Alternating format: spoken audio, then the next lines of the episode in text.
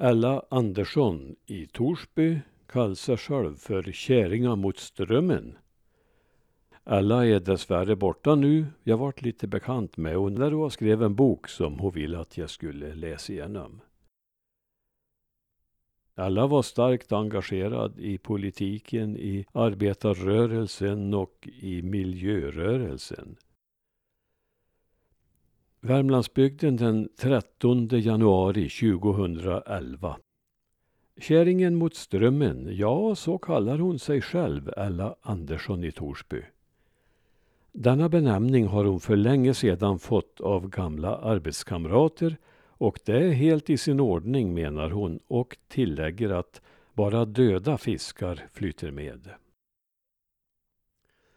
Synpunkter på det mesta har hon och ger ofta luft åt sina åsikter. För Torsbyborna torde hon vara mer känd under det poetiskt klingande namnet LO-Ella. För på LO-sektionen Norra Värmland, där har hon verkat i 20 år varav halva tiden som arbetande ordförande. Men, påpekar Ella, jag hade tjänstledigt i tre och ett halvt år för att arbeta åt ABF och Torsby kommun med projektet Kultur i vården.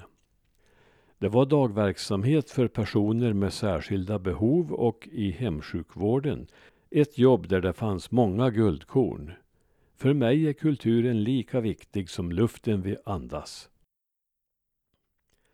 Uppfostrad i folkrörelsen är hon och engagemanget tog sig starkast uttryck när det var tänkt att skogen i Bada skulle besprutas med slybekämpningsmedlet hormoslyr. Då reste alla ragg och tillsammans med bybor och flera miljöengagerade kamrater lyckades hon förhindra besprutningen. Det är nog det nyttigaste jag har gjort, säger hon på sitt breda ny sockenmål. Detta var i slutet av 1970-talet och alla var då bosatt i Bada som hade vattentäkt i det hotade området. Andra frågor som hon drivit som S-politiker är problemet med urbaniseringen och landsbygdens igenslyande. Jag tror inte på att tränga ihop folk i storstäder men nu tycks det som om alla partier är överens om att utrota glesbygden, dundrar Ella. Som också är mycket besviken på Centern och partiets ledare. Centern var ju ursprungligen ett folkrörelseparti som stred för landsbygden, men så är det inte nu. Maud Olofsson är mycket blåare än Reinfeldt. Värst är hennes svek i kärnkraftsfrågan, tycker Ella. Men ändå skulle Ella helst se en regering med representanter från Socialdemokraterna, Vänstern och Centern, låt vara med en tidigare centerpolitik. Människor pressas för hårt idag. En del sliter ihjäl sig och andra har inget jobb alls, säger hon.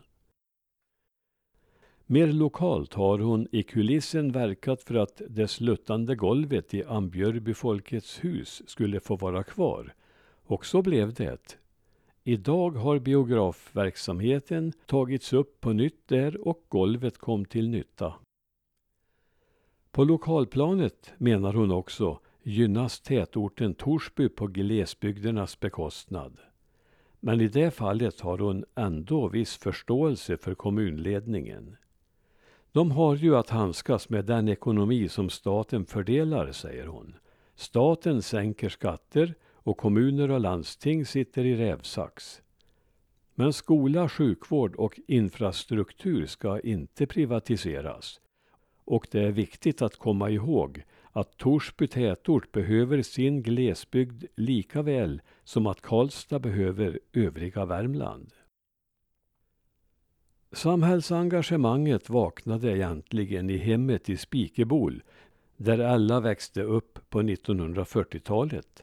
För övrigt i ett hem där böcker var ett naturligt inslag.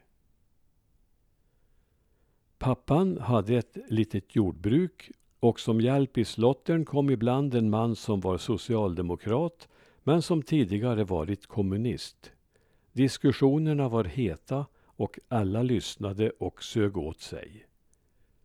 Men, säger hon, den som har betytt mest för mig och varit en ledstjärna är min stridbara moster Elsa Norbeck som ställde upp för sina ideal och stod stark i stridens hetta.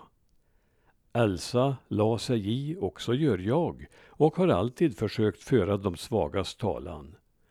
Då blir man automatiskt obekväm, men det ger ro och näring för själen. Om denna moster Elsa har Ella för övrigt skrivit en bok som kom ut i samband med firandet av internationella kvinnodagen den 8 mars förra året. Pionjären Elsa Norbeck heter boken. Arbetet med den har varit mycket inspirerande.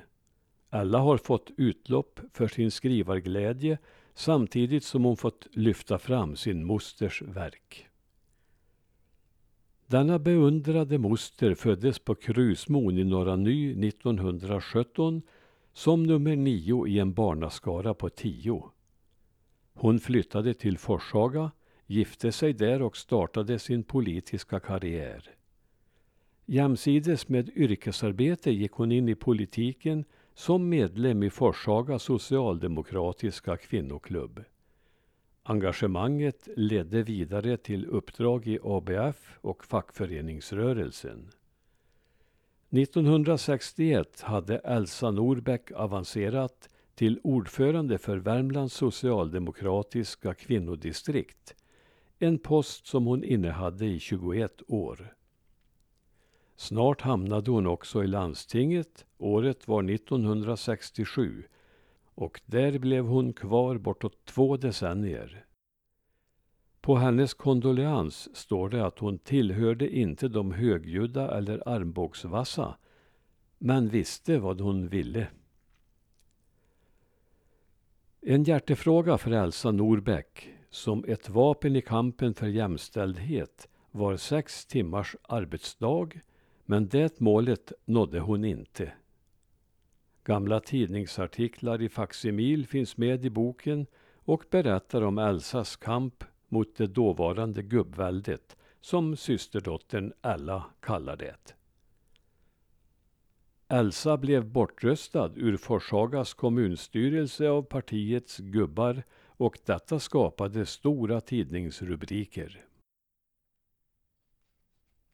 1988 erhöll Elsa Tage Erlander-medaljen en kort tid innan hon gick ur tiden.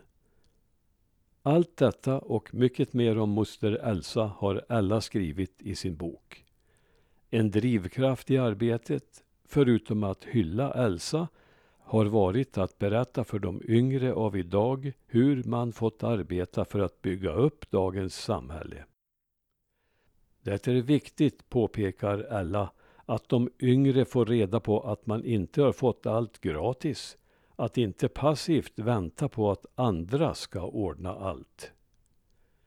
För sina insatser i kulturens tjänst fick Ella år 2002 LOs kulturstipendium och pengarna använde hon till en skrivarkurs i Kyrkerud.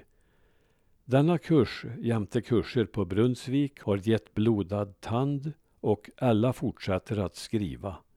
Men vad hon skriver om går det inte att få besked om.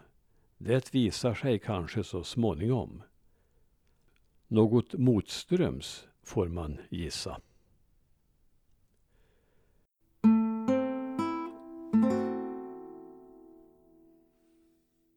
Några år efter att den här artikeln skrevs satte Ella upp en liten skrivarstuga ute på tomten vid Järnvägsgatan i Torsby. Det vart inte så många år hon fick på sig att jobba med det för hon avled några år senare. En mycket stridbar och rejäl kvinna.